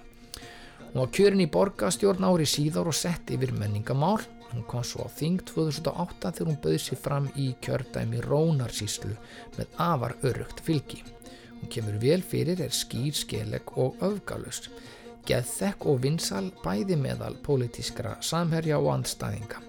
Og það kom því fáum og óvart þegar hún var valin í ríkistjórn François Hollande, bæði sem talskona ríkistjórnarinnar og jafnframt sem ráð þeirra jafnbrettismála einungis 35 ára gömul. Belgasem er vinsal meðal almennings og hefur hrist upp í frönsku karlaveldi tísku og glamúrblöðin keppast við að skrifum hana og byrta myndir af henni. Margir hafa þó miskilið hana illilega og tekið henni sem sætu ungustelpunni en hún hefur oft sínt að hér er á ferðinni harðskiptur stjórnmálamæður, hún er kvöss í orðaskiptum og ekkert lamp að leika sér við. Stelpa sem reif sig upp úr fátækt, innflytjandi úr muslima fjölskyldu sem lætur engan vaða yfir sig. Á bakvið fallega brosið er dugnaða forkur og vinnuhestur í silki hanskanum leynist stál nefi. Og hún hefur mjög sterkar og ákveðnar skoðanir þegar kemur að fordómum og mannhattri og stutti mjög eindreið umdeild lögum eftirlit með hatusumræðu á netinu á sínum tíma. Var fremst í flokk þegar lög sem leifðu samkynniðum að giftast og ætlaða börn voru samþygt á franska þinginu sagði við það tilefni að þetta væri merkur áfangi í mannreitindabaróttu og söguð Fraklands og það er ekki síst í innflytjanda og mentamálum sem hún lætur til sín taka. Það er þessu skólakerfa þakka að ég fekk tækifæri til að menta mig og komst áfram. Hugssjónir franska lífveldisins, frelsi, jafnbretti og bræðralag er ekki bara einhver orð á bladi. Þau eru og eiga verið gildi og ég er bein afleiðing þeirra. Ég á alltaf þakka hennu jákvæða og kraftmikla franska fjölmenningasamfélagi sem okkur hefur tekist að skapa.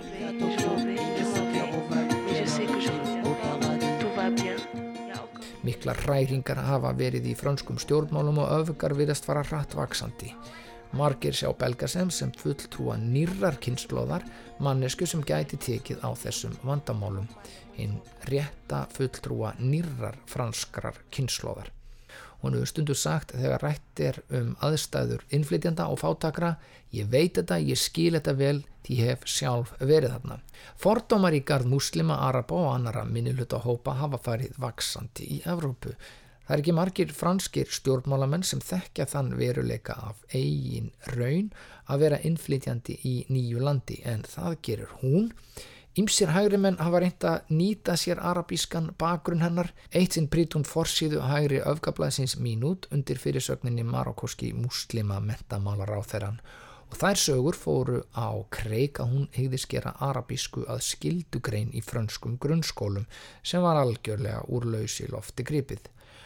Önnur skildblöð hafa kallað hann að læja tolla eða aðstaklerti þess að reyna að draga úr miklum vinsaldum hennar og trösti. Mörgum þykjur hún hættuleg og ókveikjandi og margir spá því að hún verði fórseti Fraklands 2022.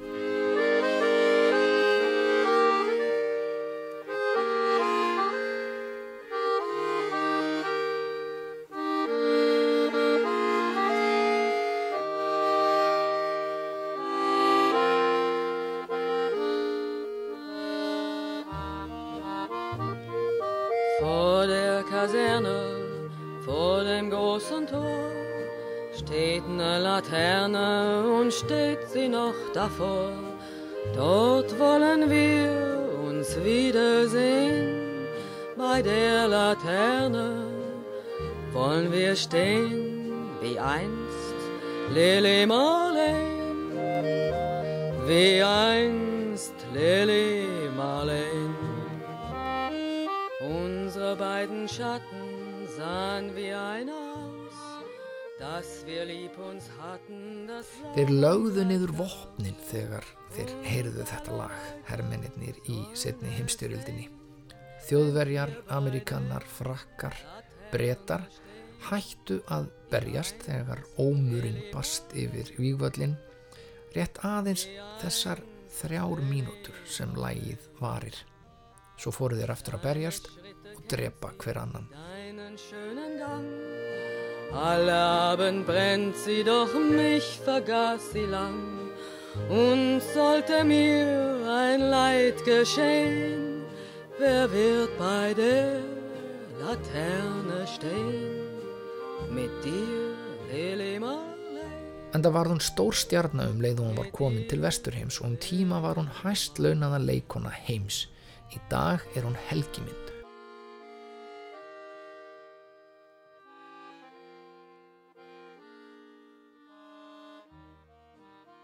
Hvað er það við þetta lag? Hver er galdurinn í þessu einfalda ljúfsára dægurlægi Lili Marlene sem tókst að stöðva mesta blóðbað allara tíma allavegum stund. Þetta lag er von, fríðardúfa ljós í myrkri. En hvað er það við þetta lag?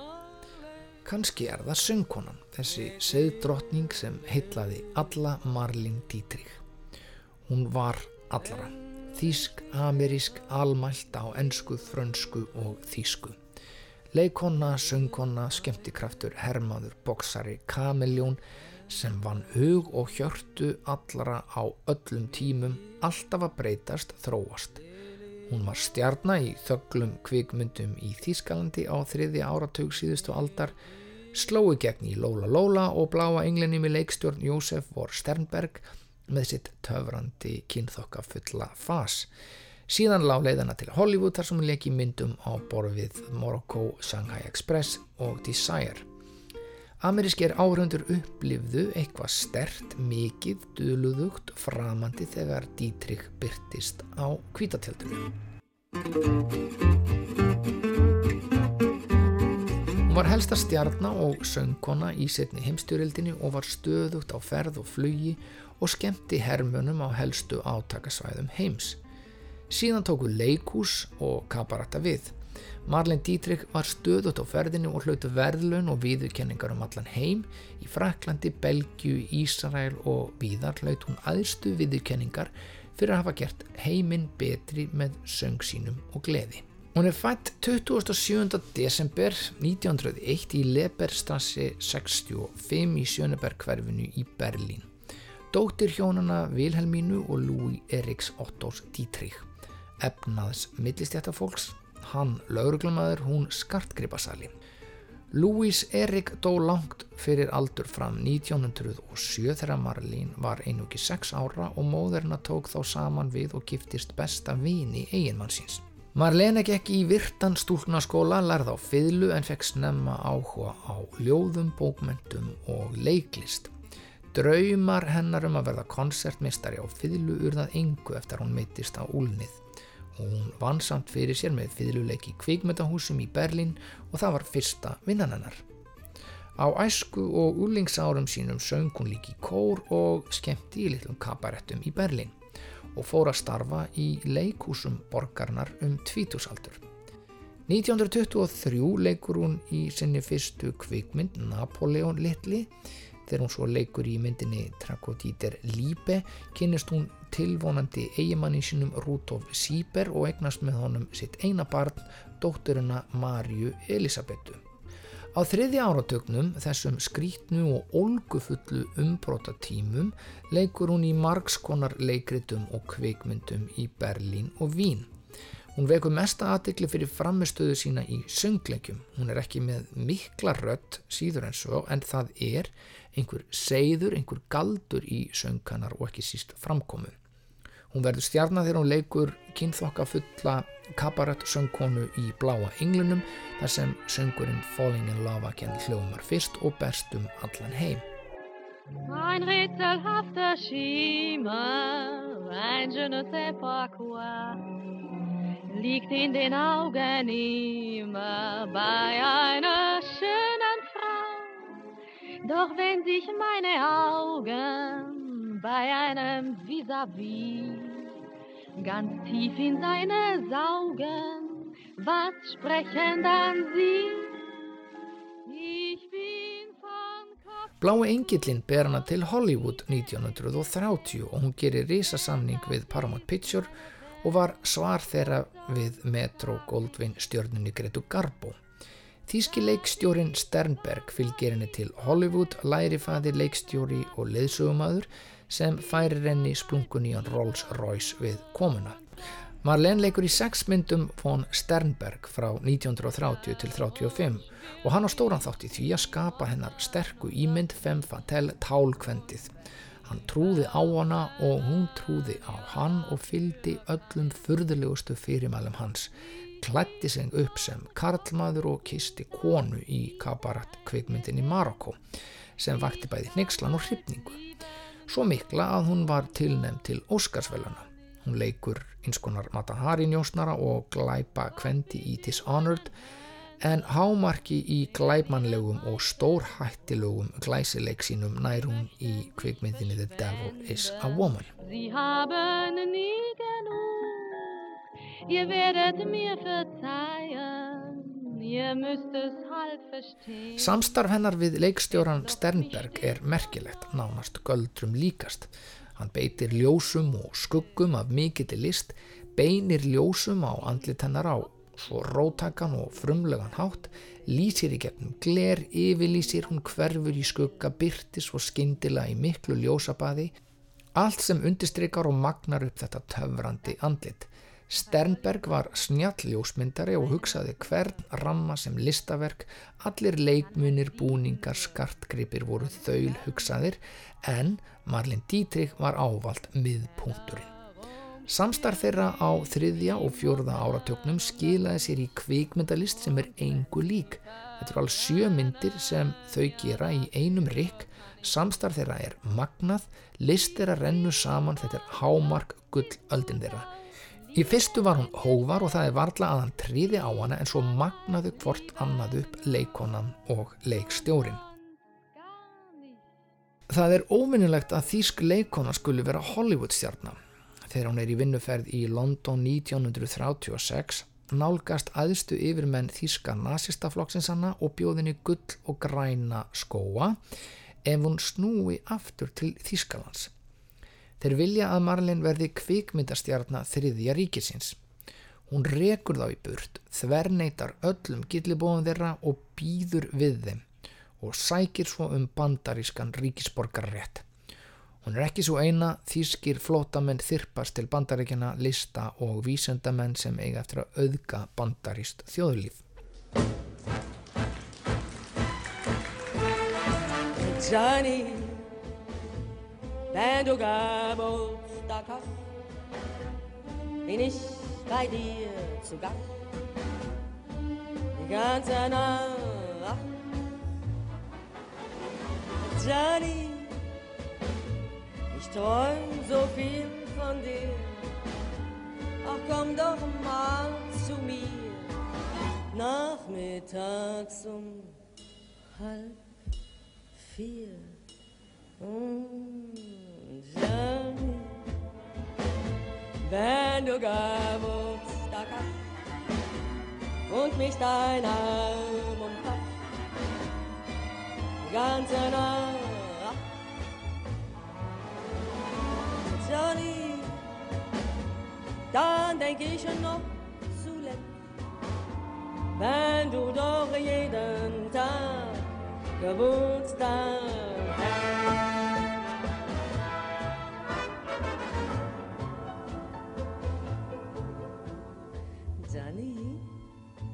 Hún heldur áfram að leika í kvikmyndum og leikur í nokkrum vestrum vinnur með John Wayne, Hitchcock, Fritz Lang, Orson Welles og Billy Wilder. Oft kemur hún fram í litlum en áhrifamiklum auka hlutverkum eins og í kvikmyndinni Touch of Evil. Marlene Dietrich var þekkt fyrir að hafa munnin fyrir neðan nefið. Hún lá ekki á skoðunum sínum, hún var afar gaggrinnin á uppganga nazismans og stopnaði sjóð á Sant Billy Wilder til þess að hjálpa gýðingum til að flýja Þískaland. Öll hennar laun fyrir hlutverk sitt í kvikmyndinni Night Without Armor samtals 450.000 dollarar fóru í að hjálpa flottamönnu. Hún gerðist bandarískur ríkisborgari yfirgaf Þískaland fyrir fullt og allt, allavegum sinn og gekk til liðs við óvinnin ef svo má segja. Í setni heimstyrildinni er hún á stöðugum þeitingi um allan heim skemmtir meira en 250.000 hermunum. Hún kom til Íslands og söng í Trípoli leikhúsinu og söng fyrir bandaríska hermann og helstu fyrirmenn þjóðarinnar meðal annars Svein Björnsson Fossetta. Hún fer líka til Allsýr, Ítalju, Bretlands, Fraklands, fer meira segja yfir landamærin yfir til Þýskalands á samt Patton Hersóðingja. Hún var stöðugt við átakalínuna við bardagasvæðin, lagði sig í hættu, söng Lili Marlene og sagði þegar einhver spurðana ertu örug, af hverju gerur þetta? Hún svaraði ás and stand out of decency. Hún átti hug og hjörtu hermana, skemmti kraftur á heimsmæli kvarða, daðraði í söng sínum, klæmdist og reytt af sér brandarana. Kirkjan kvartaði yfir skemmtunum hennar sem þóttu fara yfir strikið. Hún var tvíkinnegð og fór aldrei lengt með það, átti í ástarsambandi við fjölmarka leikara, jafnvel forsetta, aldrei við eina fjölina feld.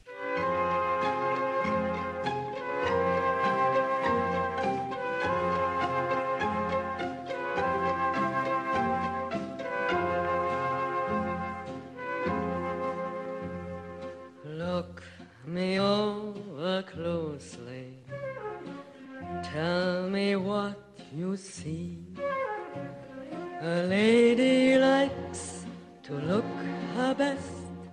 before she pours the tea. You'll see a diamond studded gown that makes the evening sun go down. Look me over closely. Tell me what you find, but don't get over anxious. I'm not the kind.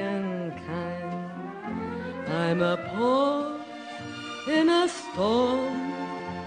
You harbor where it's warm.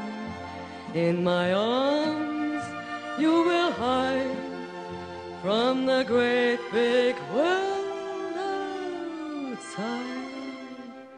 But when you come to see me,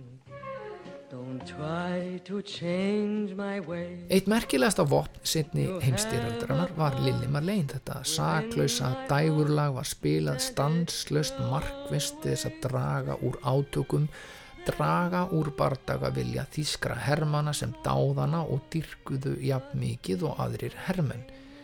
Þegar styrjaldinni líkur hittur hún aftur sýstu sína sem hefur dvalist í þýska bænum Belsen á samt eigimanni sínum og síni.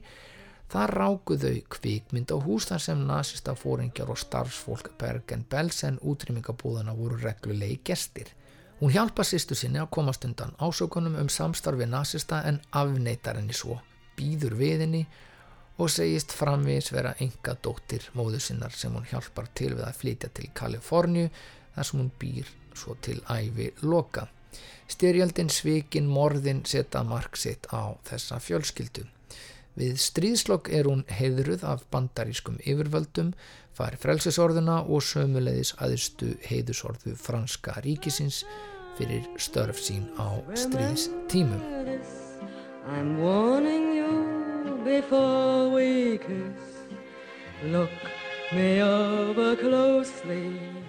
Cause I may be the marrying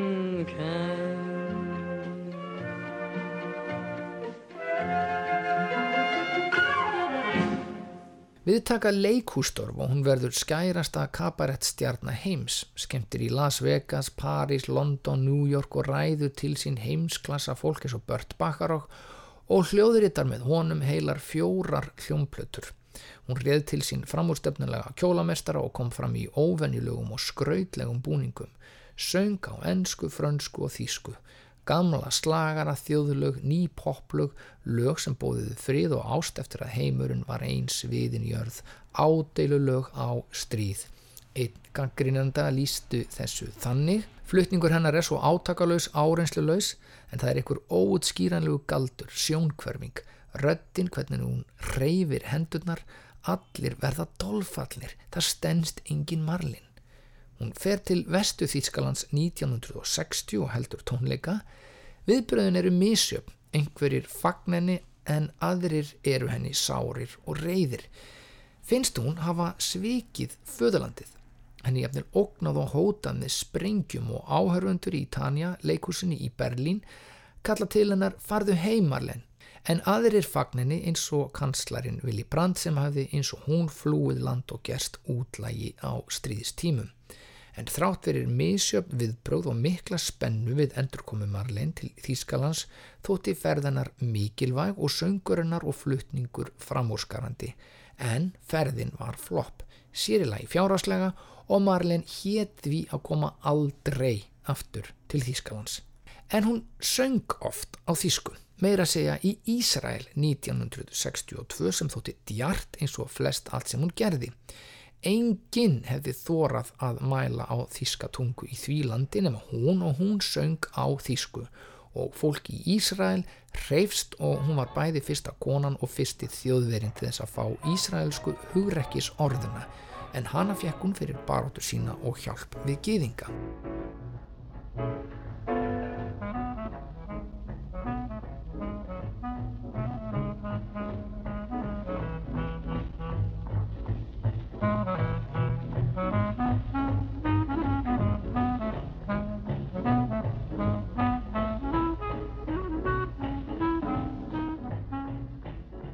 Viðmót hennar var kona sem ekkert rættist hugrekki og ást.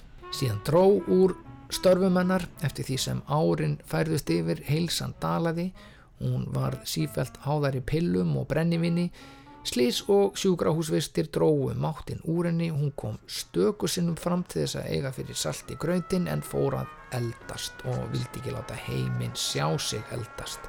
Síðast kom hún fram þegar hún leka mútið David Bowie 1979 í kvikmyndinni Just a Kick a Low þar sem hún syngur titilægið og er þrátt fyrir háan aldur enn löðrandi í kynþokka og klæsileika.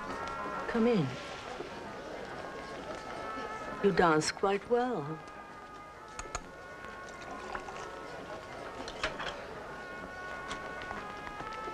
Champagne? Dom Perignon, my favorite.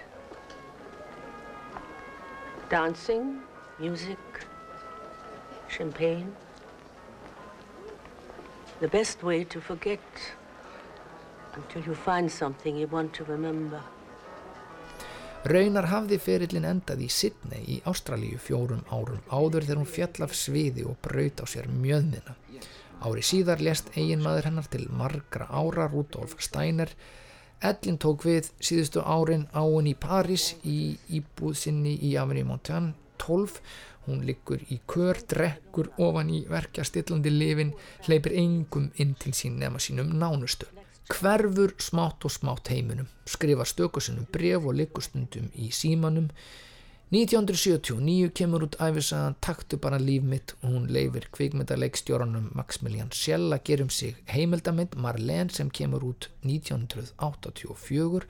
Hún neytar samt að koma fram í mynd en veitir viðtöl. Útkoman er stórkosleg heimildamind sem hlaut fjölda verlena og er í raun algjörlega einstök.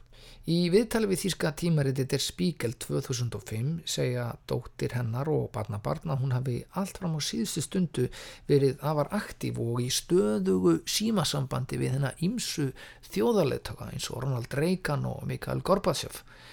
Stundum var símareikningurinn komin upp í 3000 dollara. Hún lagði á sig mikla vinnu og lagði til mikið fjett þess að bjarga hennum góðsaknakendu Babelsburg hljóðverum og ávarpaði þjóð sína þegar Berlínarmúrin fjall 1989. Hún lést 7. mæ 1992 í íbúsin í París. Útförin fór fram í Madeleine kirkjunni í Sömuborg þar sem um 1500 manns mættu til þess að sirkja þessa miklu konu. Þúsundir manna byðu fyrir utan. Franski fánin þekkti kistuna sem og viðkenningar frá hinnum ymsu ríkjum. Rauðar rósir frá François Mitterrand, Franklandsfósetta, hún var jarðsungin eins og hermaður, hún livði eins og hermaður og barðist allt sitt líf fyrir aðra. En að síðasta óskum að vera jarðsett þar sem hún fættist var uppfyllt, hún var jörðuð í Fríthof kirkjugarðinum í Sjönbergverfinu í Berlín. Hún kvílir nú við hlið móður sinnar og ekki langt frá þar sem hún fættist. Nokkrum árum síðar þegar heilt torg var nefnt eftir henni í Berlín voru rifið upp þessi orðanar sem síðan standa álötruð á skildi Ég er þrátt fyrir allt Guði sér lof og verð alltaf Berlínar búi.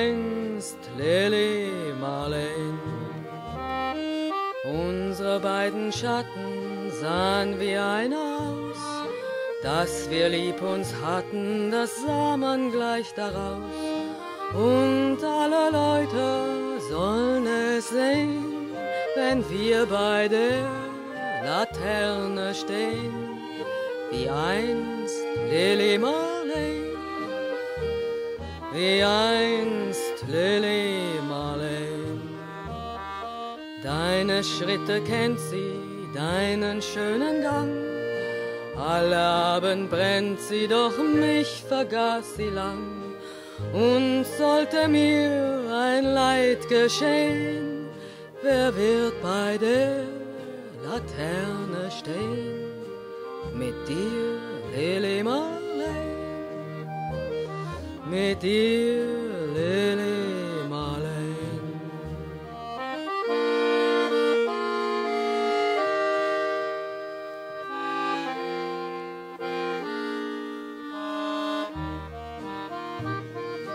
Aus dem stillen Raume, aus der Erde Grund, hebt sich wie im Traume dein verliebter Mund. Wenn sich die späten Nebel drehen, wer wird bei der Laterne stehen? Mit dir, Lili Marley, mit dir, Lili Marley. Wenn sich die späten Nebel drehen, wer wird Laterne stehen mit dir, Lili Marley, mit dir, Lili